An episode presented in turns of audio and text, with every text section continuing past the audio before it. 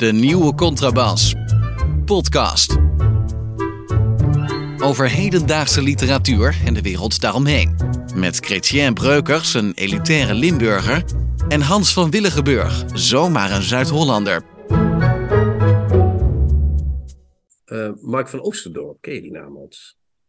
Mark van Oostendorp, dat zou toch de, de man zijn achter de, het pseudoniem Evi Arends? Dat weten we niet zeker natuurlijk, maar hij is één van de mensen achter dat pseudoniem, denk ik. Want, maar hij is ook de eerste persoon die voor de tweede keer gedoneerd heeft aan onze podcast. Is je dat eh, Jeetje, ja. Mark Oostendorp. ja, we, we, hebben al een hele mooie straatjes en stegen uitgeloofd voor mensen die aan ons gedoneerd hebben. Maar Mark van Oostendorp krijgt natuurlijk de laan, hè? de vrijheidslaan. Dit is voor Mark Oostendorp. Ja, ja. Een dikke kus, een punike, zoals we dat in Limburg zeggen. Maar goed, fantastisch. Wat heb je op je briefje, Hans? Ja, ik heb een heel briefje. Dat, is, uh, dat hebben we niet afgekeken van een andere podcast of van een andere televisieprogramma. Ja, maar dat is ook altijd handig om iets op een briefje op te schrijven, toch? Dat is gewoon fijn. ik heb het volgende op een briefje opgeschreven. Uh, deze podcast gaat natuurlijk primair over literatuur, maar aan de randen gaat het natuurlijk ook wel eens over politiek of over taal aan zich.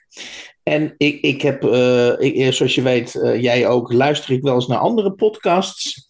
En ik zal niet verklappen in welke podcast ik de volgende zin uh, ben tegengekomen. Maar ik dacht, verdomme, deze zin moet ik opschrijven. Gewoon voor onze eigen podcast, let op. de volgende zin kwam ik in, in een andere podcast tegen. Russische generaals door TikTok gelokaliseerd. Prachtig, ja. Maar wat, ja, dat is de wijk natuurlijk, of niet? Nou, of niet? Had ik hem in één keer goed? Ik dacht bij mezelf, stel dat je een jaar geleden dat je, dat je de zin Russische generaals door TikTok gelokaliseerd. Dat je dat, dat, dat, je dat op een verjaardag had gezegd tegen mensen. Of twee jaar geleden, toen we nog misschien niet wisten wat TikTok was. Dat, dat was een volkomen surrealistisch. Dat was een volkomen surrealistische zin gewoon. Ja, dan verbaast het me ook niks dat het Russische leger aan het verliezen is, als dat zo al kan. Als al op TikTok te vinden zijn, dan wordt het Kijk, ik vind het een hele mooie... Ik vind, het, ik, vind het, ik vind Russische generaals door TikTok gelokaliseerd, vind ik een, ja, een waanzinnige zin gewoon. Ik vind het mooi. Ik, ik, ik, zou, ik, zou, ik zou een boek uh, zo willen noemen. Ik, ik zou het in een gedicht zou ik het graag willen opnemen. Maar als je me nou technisch vraagt, hoe is TikTok in staat om Russische generaals uh, te lokaliseren, dan, dan zou ik daar eigenlijk niet 1, 2, 3 een antwoord op weten. Wat, nou, wat mijn bewondering voor die zin alleen maar doet toenemen trouwens. Nou ja, die mensen plaatsen natuurlijk fotootjes of filmpjes op TikTok en dan zie je waar ze zijn.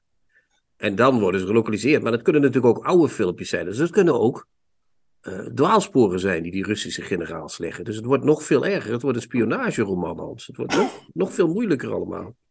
Nee, het, is, het, is, het is een, opent een hele wereld. Het was inderdaad, daar heb je gelijk in, het was uit de, uit de podcast uh, Boekenstein en de Wijk. Dat oh ja? Die, die ja. weten dus ook al wat TikTok is, Boekenstein. Ja, ja, ja die weten dat. Die weten dat. Maar goed. Maar dan is, dan is de wereld uh, echt gek geworden. Zo zie je wel hoe snel taal zich ontwikkelt. Hè? Dat, dat, ja, heerlijk. Ja, ja. Uh, goed.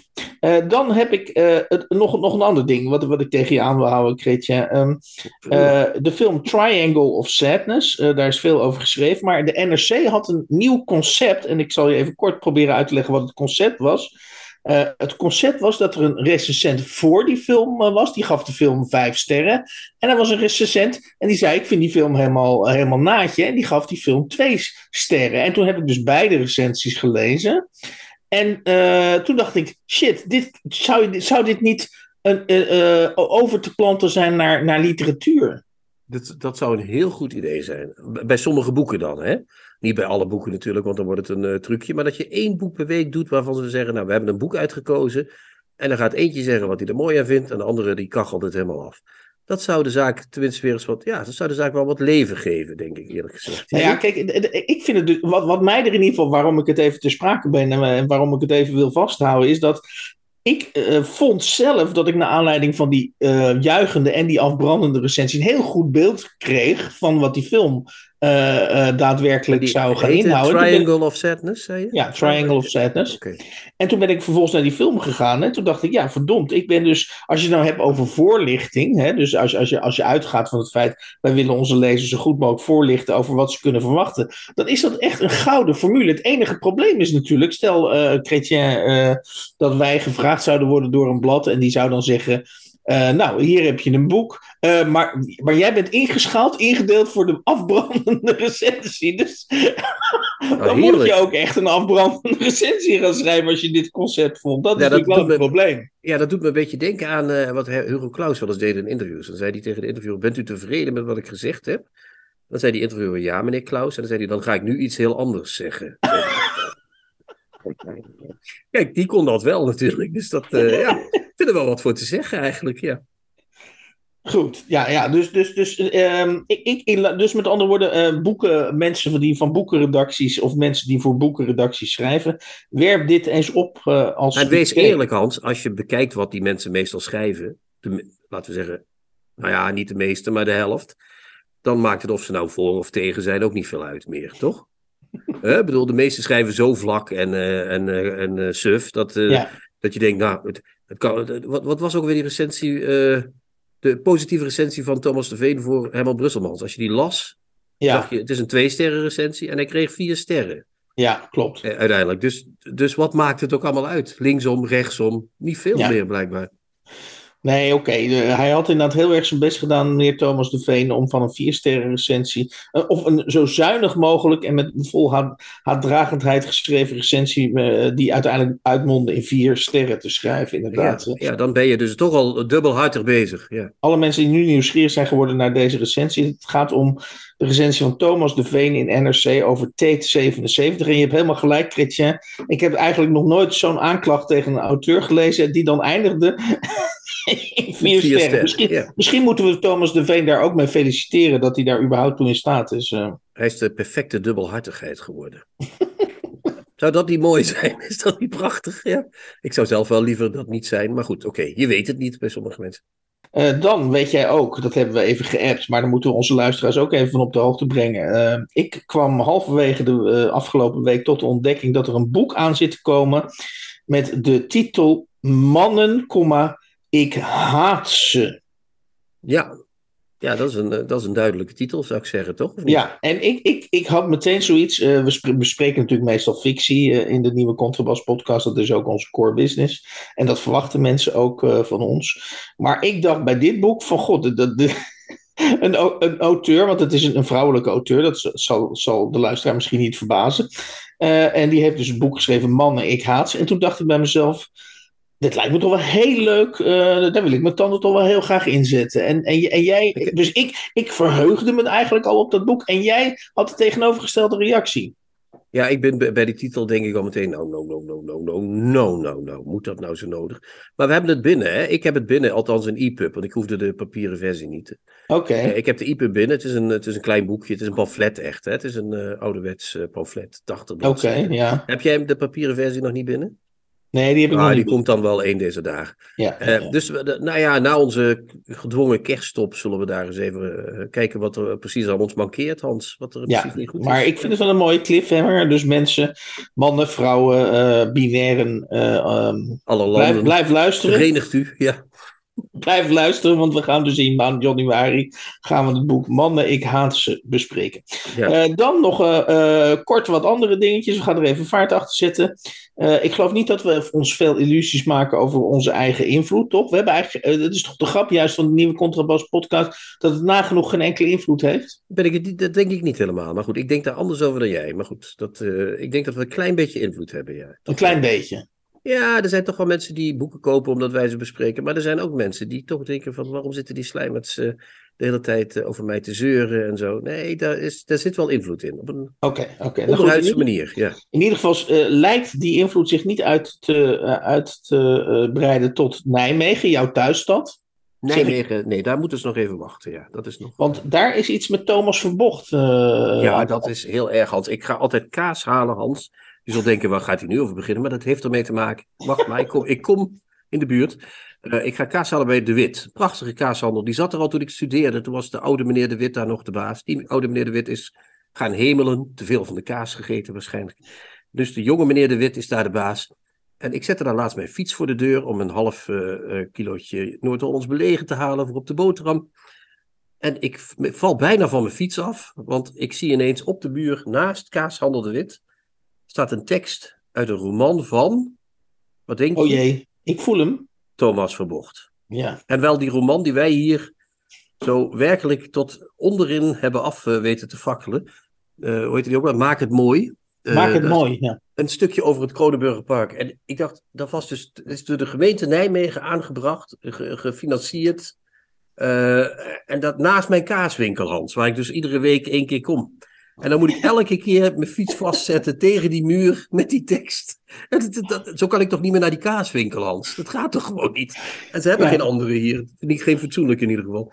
Dus okay. wat moet ik doen nu? Wat is dus dit? De, even voor mijn begin, er is dus zwaar geïnvesteerd in, in, in Thomas Verbocht. Niet alleen in dat boek Maak het Mooi, maar ook in een, in een soort steen met... Met, met, uh... met een letters. Ja, ze, ze maken hier altijd literaire bakens, heet dat. Dat zijn beroemde Nijmeegse auteurs, zoals Marieke oh. van Nimwegen. Ja, die is al dood. Hè? Die schreef zelf ook niet. Mm -hmm. Maar uh, binnenkort ook Jeroen Brouwers, uh, uh, Jan Stassen, Van der Heijden in het café de, de Tempelier, waar een van die boeken zich deels afspeelt. Mm -hmm, mm -hmm. En dan worden dan teksten van die mensen geplaatst. En de, de, de Verbocht is blijkbaar een literair bakenhans in Nijmegen. Dat, zover is het al gekomen.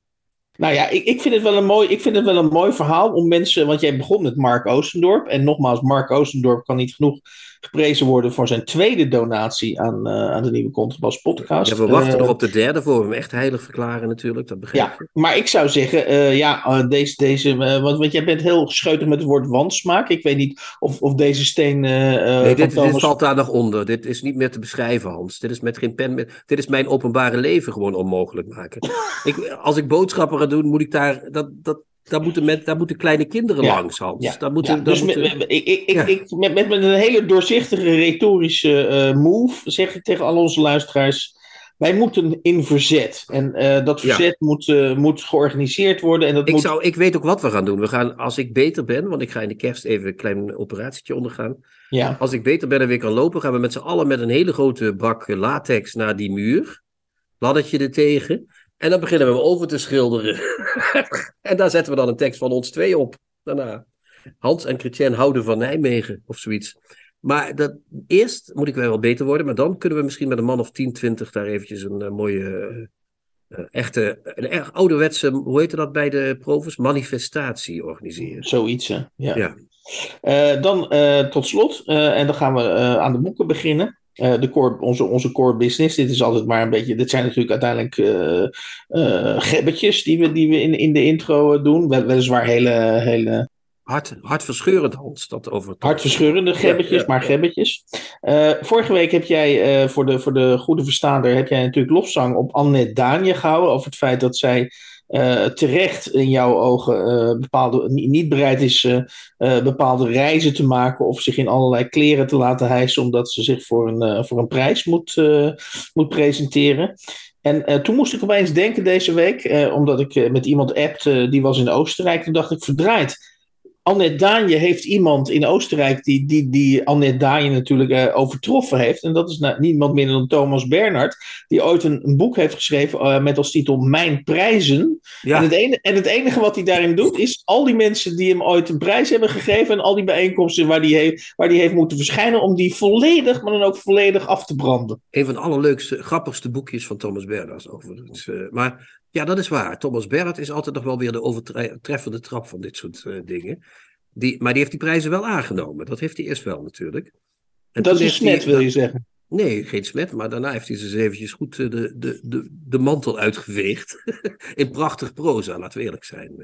Ik moet toegeven, als, als, als journalist en als af en toe vroeger ook reportageschrijver, doe ik het nog af en toe, vind ik dat wel een, een legitieme redenering. Ergens naar binnen gaan uh, met, met een, met, en, en om, om vervolgens uh, in geschrift uh, de zaken af te branden. Dat, ja, het is zoals Richard Binnen schreef in zijn dichtregels van veracht de burgerman, doch ledig zijn kruiken.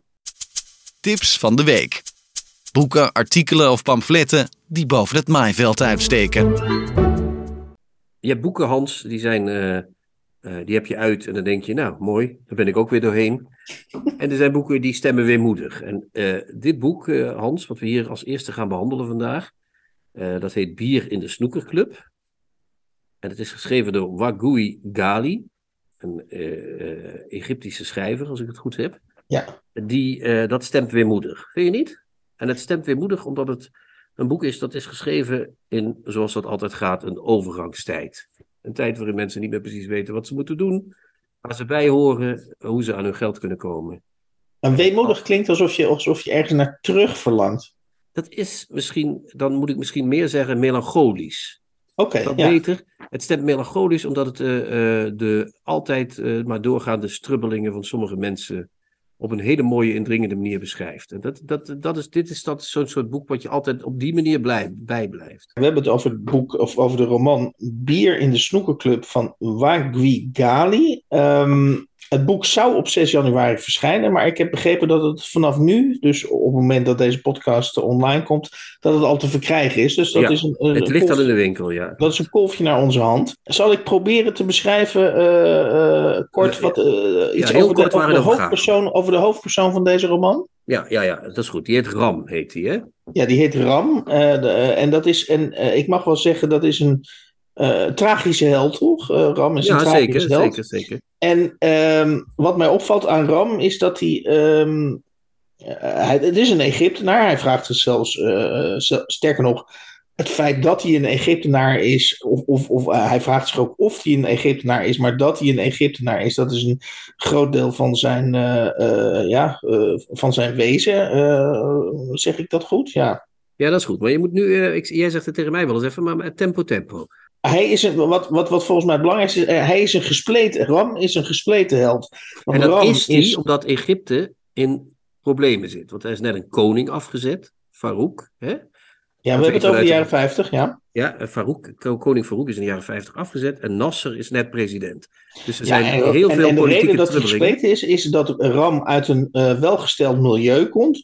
Maar, uh, en, en dat hij dus in feite in de wieg is gelegd om, uh, om, om gepamperd te worden. Maar dan komt Nasser aan het bewind. En Nasser die neemt natuurlijk alle privileges van de gegoede klasse neemt hij af. En daardoor kun je zeggen dat Ram in feite qua karakterologisch helemaal voorbereid is op een luxe leventje. Maar dat hij ja, terug... Financieel gaat het niet meer zo lekker, zeg maar. Ja. Nee, dat hij terugvalt. En, en, en vervolgens um, is het zo dat Ram is een, is een hartstochtelijke lezer. En uh, hij is iemand die, die kennis opslurpt. Maar hij heeft geen, en dat, dat is natuurlijk een klassiek gegeven, maar hij heeft geen levensdoel. Met andere woorden, uh, verschillende malen valt hij terug op de formulering dat hij zich geen raad weet met, ja, hij weet zichzelf, met zichzelf. En dat weet hij ook niet. Niet alleen omdat hij teruggevallen is in klasse, maar ook natuurlijk omdat hij heel lang in Engeland is geweest. Daar heeft hij het ook steeds over. Hij is eigenlijk een Engelsman geworden. En komt dan ineens in dat politiek rouwdouwerige Egypte teruggezet in die tijd. Zeker. Dus zeker. Hij, hij, als hij daar, want hij komt ook mensen tegen en dan neemt hij ineens, dan gaat hij Engels spreken en dan neemt hij een soort Oxford-accent weer aan. Dus hij is ook Ja. letterlijk vervreemd van zijn eigen land, zeg maar. Dat, eh, en dat speelt zich dan ook nog eens allemaal af in allerlei merkwaardige, eh beetje Engelsachtig aandoende lokaliteiten, zoals de snoekerclub eh, van bier in de snoekerclub, tenslotte. hè. En de reden, dat, want wat, dat is misschien wel aardig om daar even context aan te geven. De reden dat dit boek, wat volgens mij in 1964 volgens mij is uitgekomen.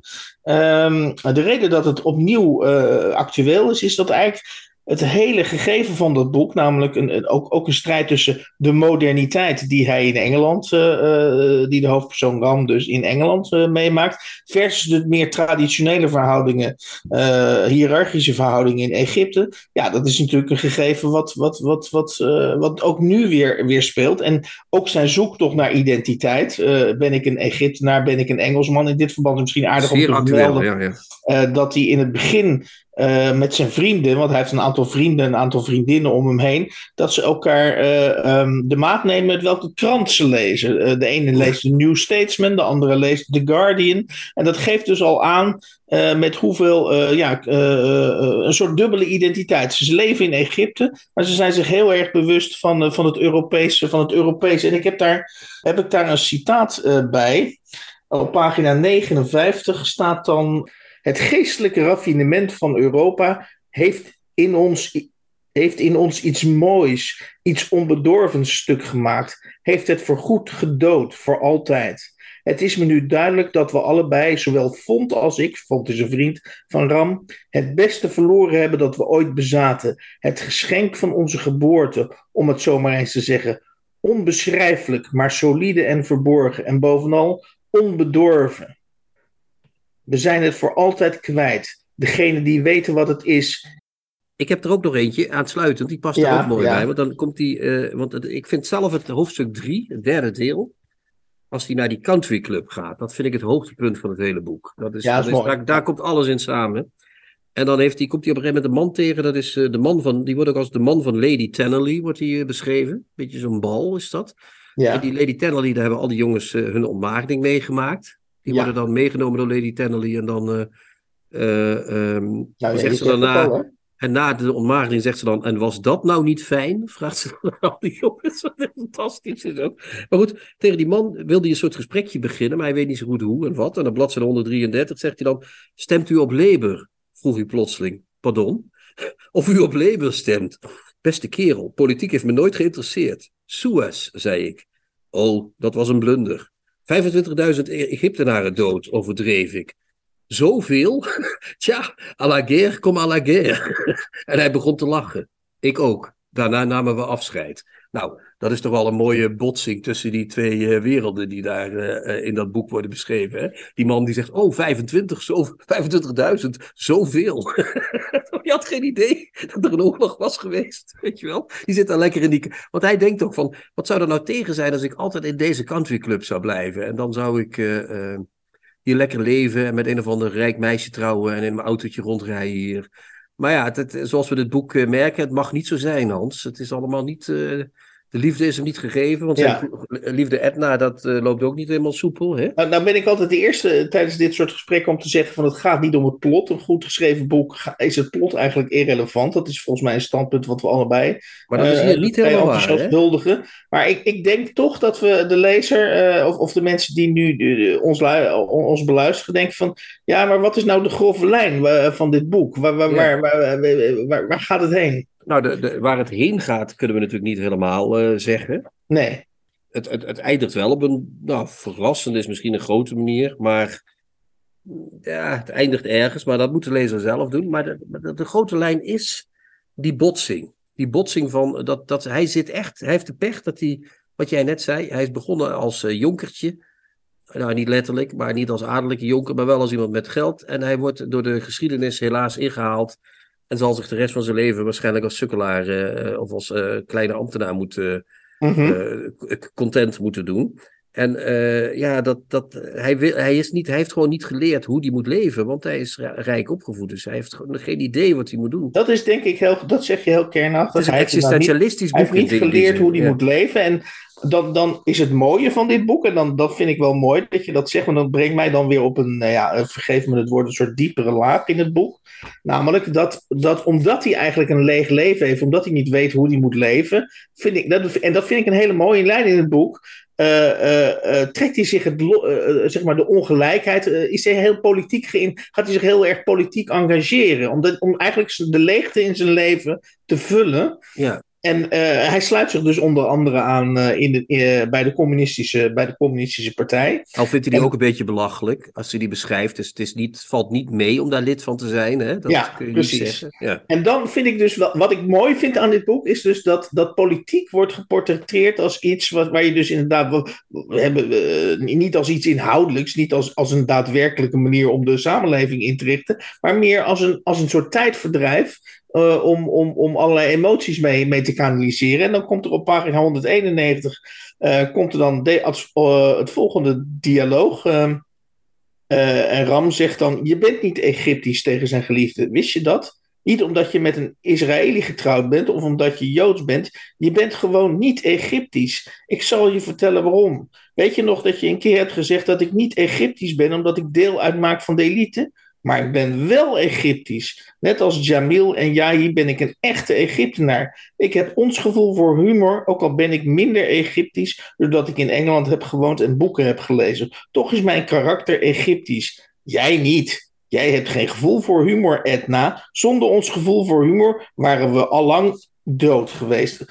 En nou zie ik dus dat ik een verkeerd. Uh, dit is trouwens best een heel mooi representatief citaat uit, uh, uit dit boek. Maar dat is dus een ander citaat dan ik wilde. Uh, want in pagina, op pagina 193 volgt dan, volgt dan nog een nog mooier citaat. Ehm, namelijk, daar gaat hij dan uitleggen tegenover zijn geliefde.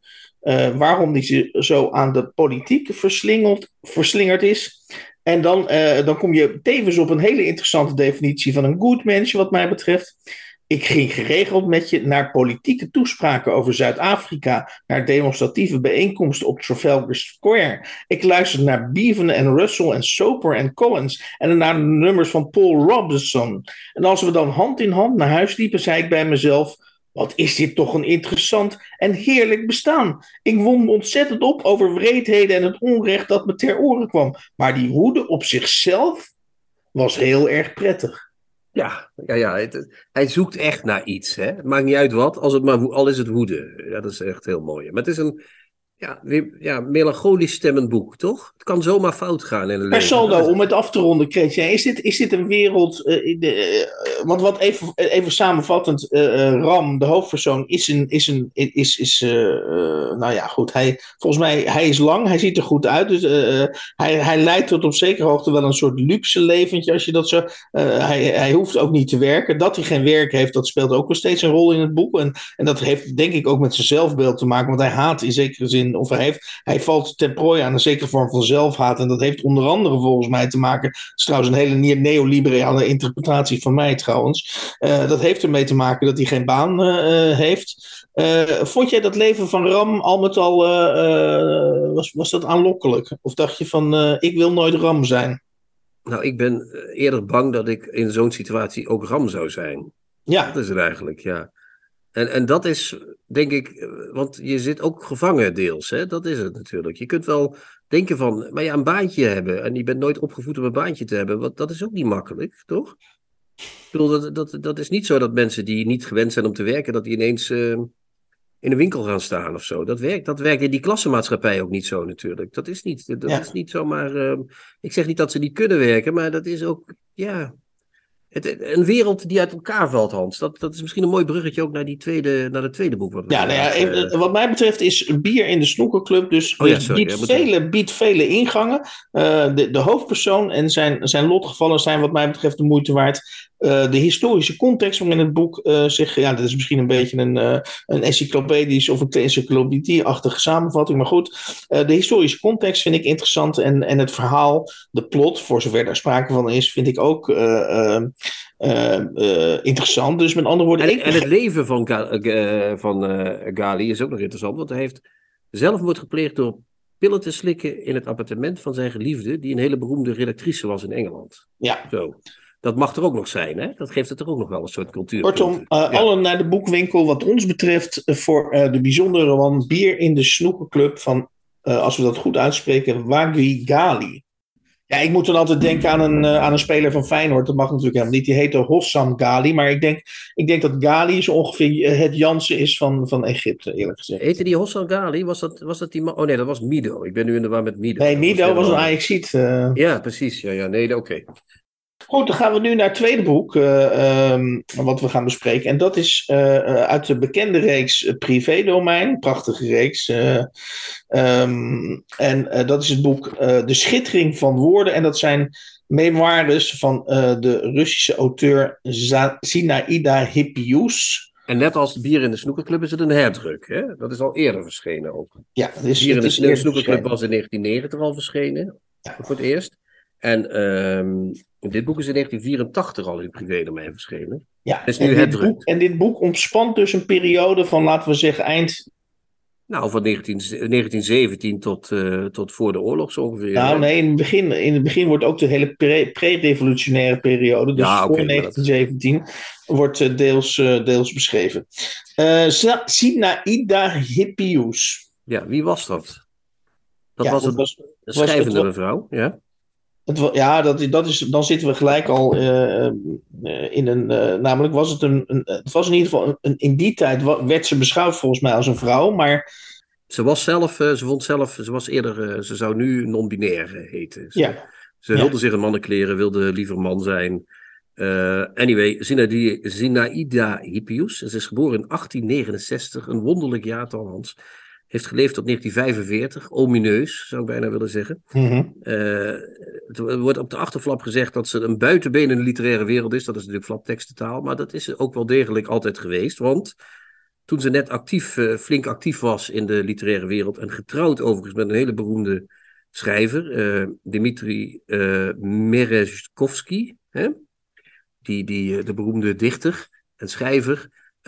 Toen dat hele literaire leven lekker op gang was, toen kwam ineens Lenin terug naar Rusland. En toen, begon de, toen begon het gesodemieter daar. En zij is vrij vroeg, heeft al doorgehad van dat gaat hier voor ons niet goed aflopen. Ja, maar je zei net dat buitenbeentje is, is een beetje flaptekstentaal. Uh, maar zo, was het wel, zo was het wel. Ja, maar, maar als, je de, als je dus de, de, de, het boek leest, uh, dan, dan is het toch eigenlijk een, om het maar eens populair te zeggen, een va-et-vient van allerlei literaire uh, grootheden. Dus ik heb niet het idee dat. ik, ik heb juist het idee een beetje overgehouden aan dit boek dat dat Sinaida Hippius, als ik het goed uitspreek, dat het een, dat het, ja, een soort nou, middelpunt is misschien een groot woord, maar dat ze wel een, een, een, een, een, een rol heeft gespeeld in het literaire leven. Ja, ze kende iedereen, maar dat was in die tijd misschien ook nog wel wat makkelijker dan nu. Ze kende iedereen.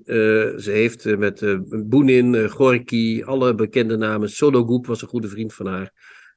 die komen allemaal langs. Maar ja, die mensen zijn ook allemaal in diezelfde tijd dat het gevaarlijk werd in Rusland, deels vermalen door de, door de tijd. Hè? Of die zijn door de communisten afgemaakt, of die zijn in ongenade gevallen. Mm -hmm, En zij zelf is heel vroeg met haar man naar Parijs gevlucht. Om daar met weer iemand anders, met wie ze een soort driehoeksrelatie had, de rest van haar dagen door te brengen.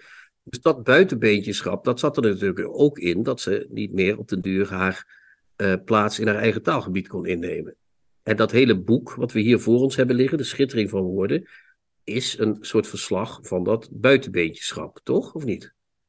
Zo zou je het toch wel kunnen zeggen. ja, nou, nou, ja, zo zou je het kunnen lezen. Maar wat mij, wat mij vooral heel erg op, opviel, ik weet niet of jou dat ook is opgevallen, is dat ehm, eh, dat hele eerste deel in ieder geval gaat over uh, wat je, wat je uh, het intellectuele leven zou kunnen noemen. Uh, ik weet in ieder geval van de inleider, Pieter Waterdrinker, ik zal zijn naam verder niet noemen, maar. Nou, daar heb ik ook iets over te zeggen. Hoe heet het? die zei ooit over Nederland: er is in Nederland eigenlijk geen intellectuele leven. Volgens mij heeft hij dat, als ik hem goed citeer, een keer gezegd. En als je, en als je dus dit boek leest van Sinaide Hippius, waarin allerlei tijdschriften worden beschreven, de ideeën waarop die tijdschriften zijn gebaseerd, uh, auteurs die van het ene tijdschrift naar het andere gaan. Uh, uh, er wordt over verschillende gezegd, uh, dichters gezegd, die dichten in de stijl van. Hè, dus met andere woorden, al die scholen, dat waren levende, levende scholen.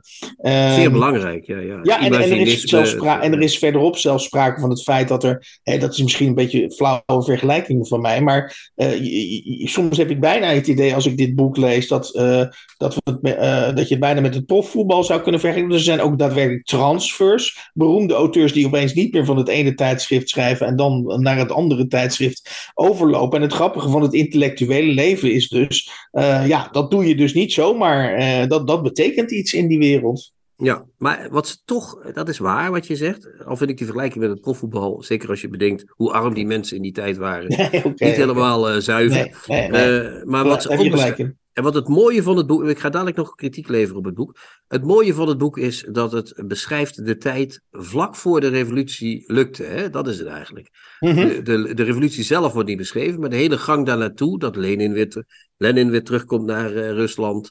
Uh, dat hij uh, daar zich met de regering gaat bemoeien met tamelijk spectaculaire gevolgen, mag je wel zeggen. Hè, de executies zijn niet van de lucht. Je hoort voortdurend de schoten vallen als weer eens iemand mhm, in de mhm. muur wordt gezet en afgeknald. Uh, schrijvers uh, raken in onmin of worden juist uh, op de hand van de communisten.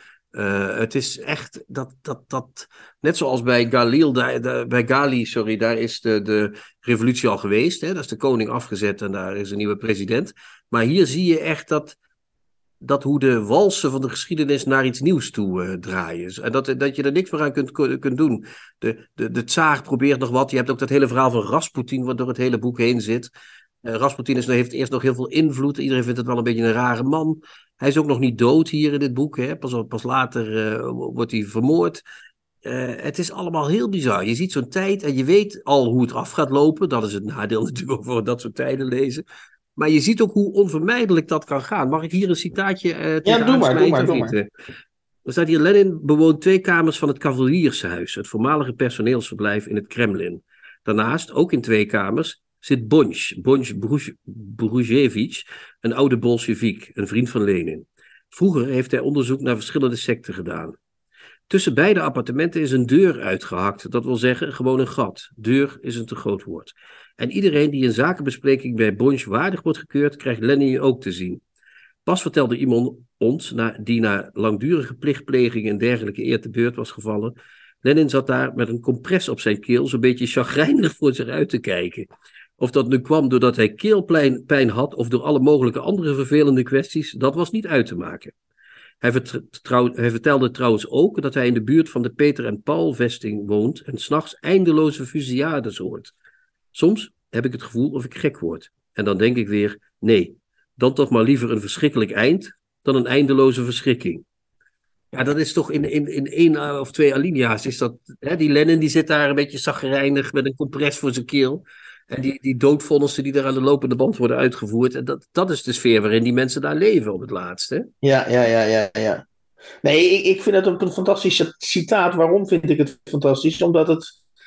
Uh, want dat wou ik net gaan zeggen, is dat zelfs uh, met, met die fusillades, hè, waarvan je kunt zeggen, nou dat is, dat is vreselijk, of dat gebeurt. Uh, dat is het ook, ja. Ja, ja maar, maar het, het woord, ik weet niet hoe jij dat ervaart, terwijl ik het las, het blijft iets, iets uh, en dat had ik ook bij die Anatoly Marienkov, uh, door ons zeer bejubeld. ik weet niet meer hoe dat uit mijn hoofd de titel van, van dat boek, ook in het privé, privé-domein reeks verschenen. jij gaat nu onmiddellijk eventjes googlen. Maar het, het, het, wordt allemaal opgeschreven met een soort raar soort van zelfsprekendheid, of met een raar soort onbewogenheid wordt, wordt die geschiedenis opgetekend. -huh. En nou ja, om even aan te geven hoe Hippius dingen beschrijft. Ik had het net over die, die transfermarkt uh, tussen, tussen redacteuren, tijdschriften en auteurs. En uh, in, in 2022 zouden we zeggen, nou dat is een typisch geval van netwerkcorruptie, bij wijze van spreken. Want iedereen zit heel erg op elkaar en komt bij elkaar over de vloer, soirées, muziek, voordrachten. Het, het, het kan niet op. Op pagina 96 kom je dan de volgende beschrijving tegen met Briusov, een tamelijk goede dichter die later tot een symboliste werd gerekend, hoewel hij een echte estate van de nieuwe school was en sterk op Europa gericht, stonden we in die tijd op goede voet. Het, uh, is wel grappig. Hè? Ja, want het was niet zomaar wat. Hè? Verkeerde poëtica, je lacht eruit. Ja. Precies, precies. Dus, dus, dus dat vind ik dat mooi aan dat intellectuele leven. Als je de verkeerde poëtica aanhangt, als je niet de goede mening over dichtkunst hebt, dan, dan, uh, dan, dan, heb, dan, heb je dan, een probleem. Maar dat is dus niet hetzelfde als de huidige netwerkideologie. want wat er nu gebeurt, is je moet gewoon op de juiste plek zijn. Je hoeft helemaal niks meer te vinden. Ja, Kijk, mensen zoals Thomas M M Mulman of, of Frank Keizer, die hoeven niks te vinden. Die hoeven alleen maar op de juiste plek te zijn. Ja, de, als die er zijn, dan is het goed. Maar dat is natuurlijk iets anders dan wat in die tijd ging het terecht om. Ja, ja, ja. En dan heb ik, vind ik. Hetzelfde geld stond je de dag daarna tegen de muur. Met ja, ja, ja, ja, Nee, nee, ja, het ging wel ergens over toen. Ja. Heb ik nog volgens mij een heel mooi citaat van pagina 116, 117. Het gaat dan over een wat, wat dubieuze uh, poëzieavond. En dan staat er als volgt. Staat er het volgende. Het zat Minsky over het algemeen niet mee. Op een bepaalde poëzieavond met een liefdadig doel besloot hij een gedicht voor te dragen dat hij al in Rusland had geschreven. Naar alle waarschijnlijkheid in de tijd dat hij zijn best deed zich bij Lenins krant te handhaven. En dat hij gedeeltelijk ook, zo, ook zomaar in een baldadige opwelling had opgeschreven. Zelfs alleen als gedicht al was het rommel. De eerste regel luidde: Proletariërs aller landen, verenigt u. Ja, dat is toch erg, die arme man. Ja, die heeft dat voor Lenin zo moeten schrijven. Ja, dat is gruwelijk, gruwelijk, gruwelijk. Nou ja, het, het, hele boek is dus, uh, als je zeg maar samen met Mariengov Mijn Eeuw, Vrienden en Vriendinnen leest. Prachtig boek over een hele ja, moeilijke en boeiende tijd. Ik, ik kan het niet uh, clichématiger zeggen. Ik, moet, ik, ik wil eindigen met één klein punt van kritiek, of toch een behoorlijk punt van kritiek op dit boek. En dat is dat, dit is dus een, een keuze uit de uh, autobiografische geschriften van uh, Zinaidi Hippius. Uh, Pieter Waterbrinker schrijft in zijn inleiding ook dat zij bekend staat om haar controversiële novellen en romans. Maar die worden hier helemaal niet opgenomen. Dat is jammer. Ik zou zeggen, had iets minder van die, hè, had die herinneringen iets ingedikt en daar één voorbeeld van ingezet. En het tweede, nog belangrijker punt van kritiek is dat ik in het hele boek, en dat is toch 430 bladzijden lang, er wordt helemaal niet gezegd waaruit is dit gekozen, uit welk... Uh, welk uh, er wordt ja, hoe is dat tot stand? Er wordt geen verantwoording gegeven. Nee, totaal niet. Waar hebben we dat vandaan? Waar, waar, heeft, waar, waar, heeft de vertaler dit gevonden? En dat vind ik voor een boek wat over de 30 euro kost toch wel aardig, een beetje slordig eerlijk gezegd. Oké, ja. oké. Okay, Maar je hebt het wel met plezier gelezen. Ik, ik check even. Nou ja, omdat ik bijna het, het idee dat je Linnen in het echt tegen kunt komen, vind ik al duizelingwekkend. Of dat je bevriend kunt raken met Sologoep. Dat is toch, ja, dat zijn toch, dat is toch wat anders dan als je Frank Keizer tegenkomt, Hans, de hele tijd. Hè, dat zijn toch echt. Of dat Maya, hoe heette die? Majakovski eh, ging dansen omdat hij geen geld kreeg bij. Ja, dat, dat, zijn toch. Dan hebben we het toch over andere mensen, hebben we het dan toch? Hè? Dan hebben we het toch over een ander niveau, uh, moet ik zeggen.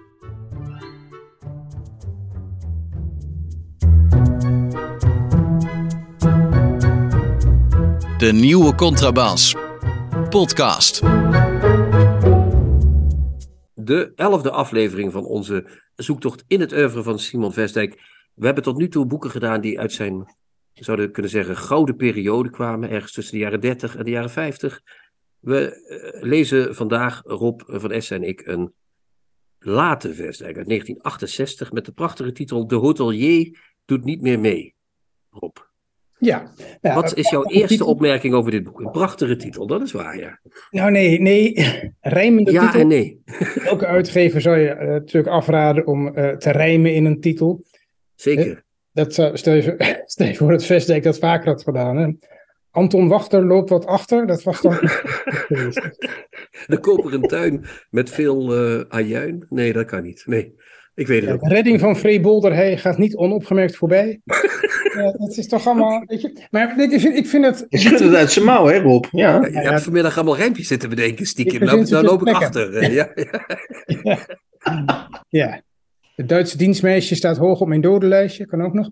Um, ik vind die titel in zoverre ook prachtig, omdat dit heel duidelijk, het hele boek is geschreven door een, door een uh, gevestigd auteur, die zich niet meer hoeft te bewijzen en uh, op, heel onthecht dat boek schrijft, volgens mij. Precies, onthecht. Dat woord, onthoud dat woord, lieve luisteraar, want dat gaat nog vaker vallen uh, vandaag, denk ik.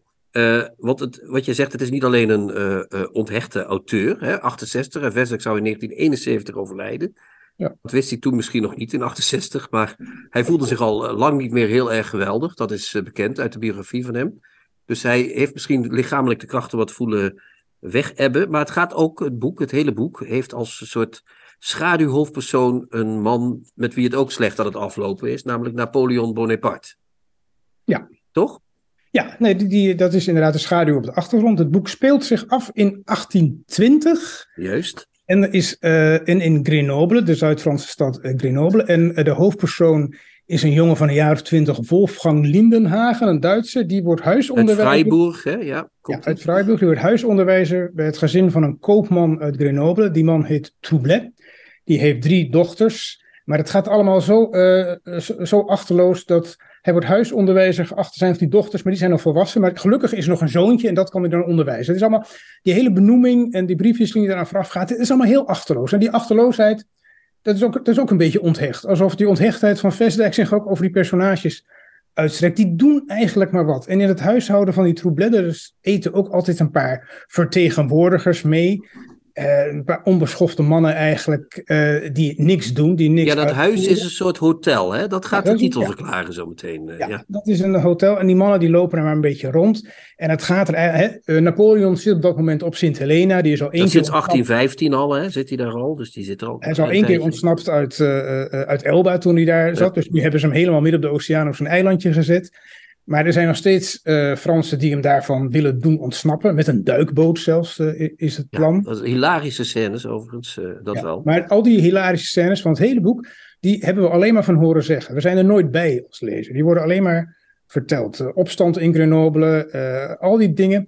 Een van de levendigste scènes in het boek speelt zich in het begin af. Dat is een ontmoeting met Goethe. Maar dat horen we van een vriend van die Wolfgang die hem een brief over die ontmoeting schrijft. Juist. Dus alle acties, we zijn verwijderd van alle acties van het, uh, van het boek. En de actie in het huis van die koopman, ja, die mannen lopen er wat rond. Uh, ze doen net alsof ze tegen Napoleon zijn. Uiteindelijk blijkt dat ze allemaal voor Napoleon zijn. En ze verbergen zich op een gegeven moment in de bergen. En dan moet die Wolfgang, die moet daar, omdat zijn baas ziek is, daar eten gaan brengen. En ze de waarheid vertellen. Tegen zijn zin ook. Al die verwikkelingen zijn eigenlijk uh, niet zo interessant.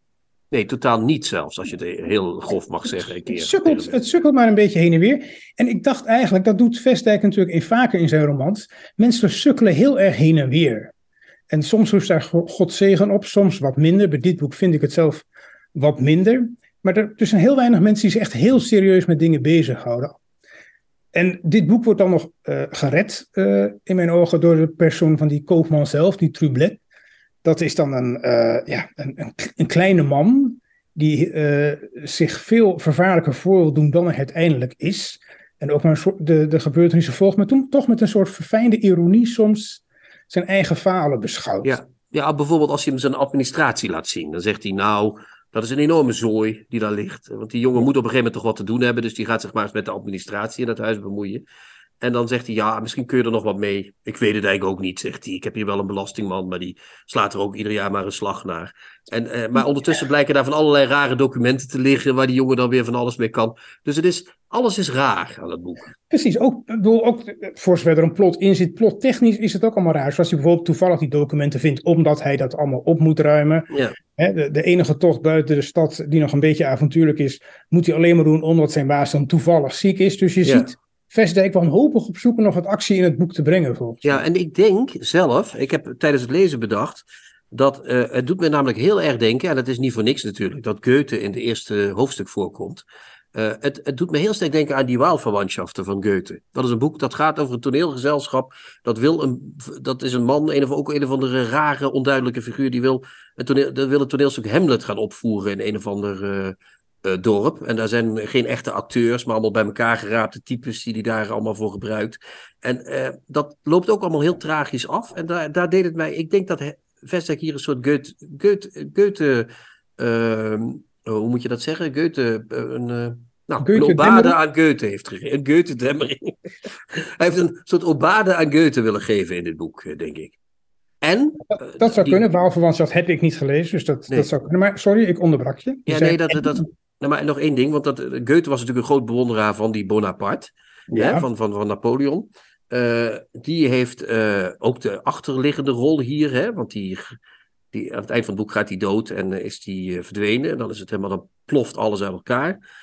maar ik denk ook dat, ik dacht ook, behalve dat hij dus misschien een soort Goethe-achtige roman wilde schrijven, dat Vesdijk zichzelf hier als de langzaam wegdeemsterende keizer heeft willen zien. Hij is zelf de figuur op de achtergrond. Hij is die man die, uh, weg, uh, beetje, die voelt zich een beetje weggemanoeuvreerd uh, naar het eiland daar verder weg.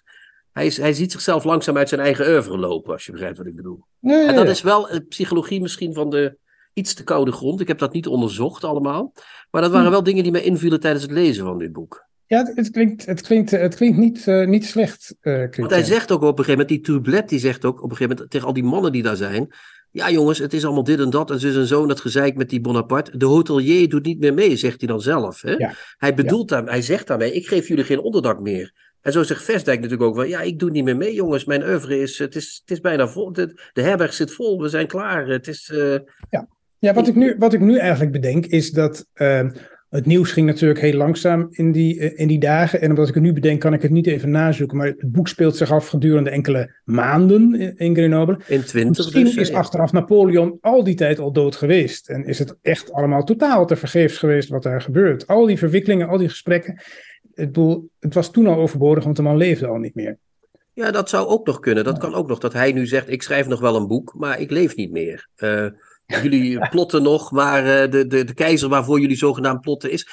Kijk, de keizer was in die tijd natuurlijk ook een soort denkbeeldig iets. Hè? Dat is meer dan nu. Nu zijn vorsten zichtbaar, maar vroeger was de keizer iets op afstand en dat vereerde je of dat vereerde je niet. Ja, en er zijn een aantal van die mannen in het boek, eh, van die vertegenwoordigers tussen aanhalingstekens, die Napoleon dan zelf zouden hebben gezien. Maar dat zijn allemaal mythes. Dat zijn allemaal ja. verhalen die ze, die, ze, die ze verzinnen. En ik vind wel, uh, ik denk, hè, jouw uh, interpretatie als Vestdijk, als uh, afscheidnemende schrijver, dat maakte natuurlijk wel, het woord gaat weer vallen, onthecht. Ja. En een goed voorbeeld daarvan vond ik, vond ik een vergelijking op pagina 29 waarin hij eigenlijk voor het eerst die troublet beschrijft uh, voor de lezer. -huh. En dat is, dat is ja, ik, ik, ga het even voorlezen. Men kreeg de impressie dat hij gewoon was zich in zijn huis op geregelde tijden zo roerloos op te stellen in een kamerhoek of aan het einde van een gang. en dat een van zijn dochters, of wat mij betreft mademoiselle Nathalie zelf, hem dan te voet viel om hem te danken voor de gift van een gouden sieraad. Een sieraad dat hij uit een doosje had gehaald, als een dwergenkoning puttend uit zijn kroonjuwelen. Dat is gewoon, eigenlijk is dat bedoeld als beschrijving van karakter en uiterlijk van iemand die wij nog helemaal niet kennen. Dus die hele scène heeft hij verzonnen. Dat gebeurt ook verder helemaal niet. Die kroonjuwelen, het doosje. Dat is eigenlijk een totaal losgezongen vergelijking van iemand die zich gewoon ontzettend amuseert met wat hij aan het doen is als schrijver. Ja. En zich dan niet echt heel erg bekommert om wat de lezer daar dan van denkt, of de lezer daar wijzer van wordt. Ja, maar het, het zijn wel allemaal kleine mensjes die hij bekijkt. Want hij zegt ook, hij vervolgt dat citaat met, dan liep hij met kleine pasjes op de dankbare af. Weet je wel, het wordt ook al meteen gedrentel allemaal. Het is meteen een soort, uh, ja, een soort, soort, soort klucht, een klucht is het misschien ook. Eh, dat zou het ook nog... Sorry, het is onthecht gedrentel. Het hele boek is onthecht gedrentel. En dat, dat heeft zijn uh, vertakking in het rest van het oeuvre, maar hier zit, uh, ja, de krachten nemen af. Letterlijk eigenlijk. De hele spanningsboog, de concentratie, de krachten nemen echt af. En daarom is het ook, ja, eigenlijk, uh, als je het in het oeuvre van Vestdijk zelf bekijkt, een, een, een melancholisch boek. Ja, het is, we, de hele aflevering, we hadden al een melancholisch boek, Bier in de Snoekerclub, hadden we al in deze aflevering. Dus uh, misschien staat de hele af, de aflevering zo tegen het eind van het jaar een beetje in het teken van de melancholie. Maar, maar, uh, maar geen lijstjes gaat doen, vind ik het ook. Uh, geen lijstjes en ook geen uh, knap, knapperende haardvuur. Nou, alvorens we de Zwanenzang van Vestdijk al helemaal in scène zetten. Hoeveel boeken, want ik ben als een mindere kenner, maar goed, hoeveel boeken heeft hij? Dus zijn krachten nemen af. Is dit zijn laatste boek of zijn ene nee, laatste? Dit was, dit was wel zijn 51ste roman, volgens mij. Ja, ik denk, dat, ik denk dat hij nog twee of drie hierna nou, geschreven heeft. Nou ja, laten we zeggen 49ste tot 51ste roman was het. Het verboden baganaal kwam hier nog na, volgens mij. Oei, ja, en dat is, ja. Maar goed, het was wel aan het eind van. Kijk, we hebben. En besproken... Eckhart ook nog, als ik het goed okay, heb. Oké, dan was het zijn 49ste waarschijnlijk. Ja. Um, maar het, het, is wel zo dat we de eerdere boeken die we besproken hebben, dat waren echt, zeg maar, symfonieën van Mahler, symfonieën van Broekner, uh, Richard Strauss, Thomas Mann. Dat was boem, boem, boem, boem, boem, tropisch hardhout, beton. Um, enzovoort. Uh, maar mm -hmm. dit is toch, hier begint het wel wat zachter hout te worden, toch? Rob, of niet? Uh... Ja, een beetje kamermuziek begint het te worden. Kamermuziek. Speelt toch allemaal binnenskamers af? Ja. Geen onaangename, ja precies. En, maar ik vind het geen onaangename kamermuziek, moet ik zeggen. Nee, nee, maar het, je leest het toch bij de gratie van dat je weet dat het een roman van Vestdijk is. Je ja, is dat zo? Zou jij dit apart, als je dit zegt, het is een onbekende schrijver uit de 20e eeuw, lees dit eens, wat zou je dan zeggen? Aardig, ja, dat heb ik me maar... dus ook afgevraagd. Maar dan zou ik zeggen, ja, het is, het is, ja, het is aardig, het is spanningsloos. Uh, ja, dus het zou niet meteen een aanrader zijn. Maar dat is, kijk, dat is het voordeel van een oeuvre. Je plaatst een boek in een oeuvre en dan, uh, dan, zijn het, dan creëert het vanzelf verzachtende omstandigheden, waardoor je er toch aandachtiger, uh, aandachtiger gaat lezen.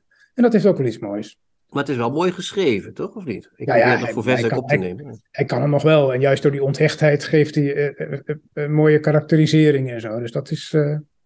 Die figuur van Trublet zal me toch nog wel bijblijven als een van Vestdijk's mooie hoofdpersonages, of bijpersonages. Ja. ja, echt een hele, want het speelt zich natuurlijk in Grenoble af. Het is ook nog eens een keer een mooi boek over het verschil tussen Duitsers en Fransen. En Grenoble, daar zitten ze allebei een beetje, zeg maar. Hè? Dat, is, dat is ook een beetje die, die, die, die grens in die tijd, uh, zo. Dat is ook mooi.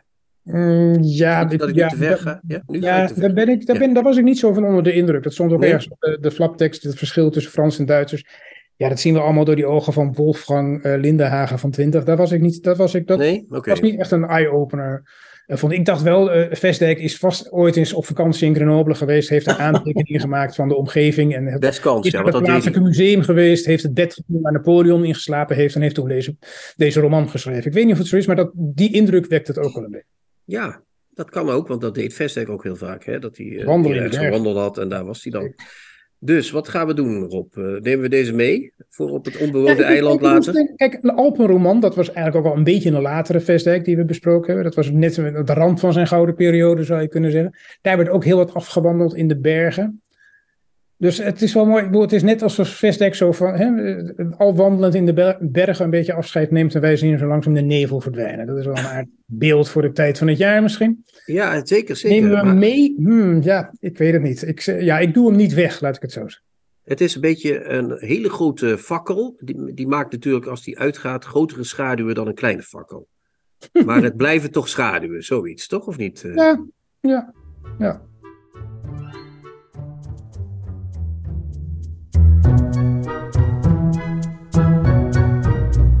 De nieuwe Contrabas. Podcast. In de 86e aflevering van de nieuwe Contrabas podcast uh, bespraken we bier in de snoekerclub van Wagui, Wagui Gali, uh, een Egyptenaar. En dat uh, boek is verschenen, of herverschenen moet ik zeggen, bij, bij uitgeverij Jurgen Maas in 2022. En dus is dus, terwijl het eerst pas op 6 januari beschikbaar zou zijn, is het per direct beschikbaar. Mocht en het is origineel uit 1964. Dus. Ja, het origineel is uit 1964. En, dan en de vertaler is, nee, nee, nee, de vertaler is Paul Heijman, moeten we even zeggen. Ja, dat is uh, heel goed van jou dat je dat even uh, in herinnering brengt. En dan uh, bespraken we natuurlijk de bundel De Schittering van Woorden, memoires van Sinaida Hippius in de privédomeinreeks van de Arbeiderspers. Verscheen in 2022 en vertaald en bezorgd door Mieke en Mauring Lindenburg.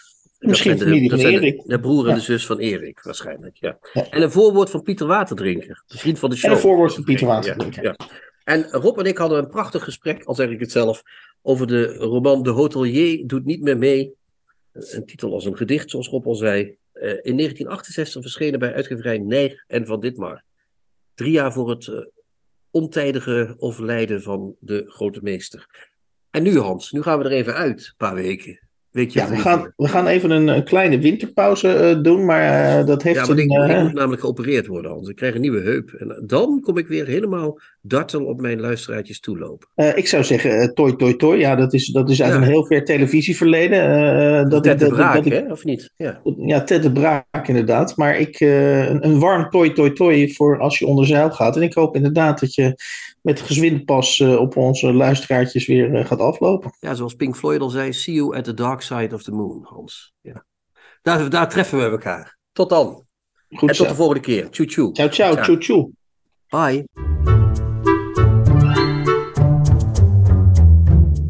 De nieuwe Contrabas podcast wordt gemaakt door Chrétien Breukers, Hans van Willigenburg en Erik Lindenburg.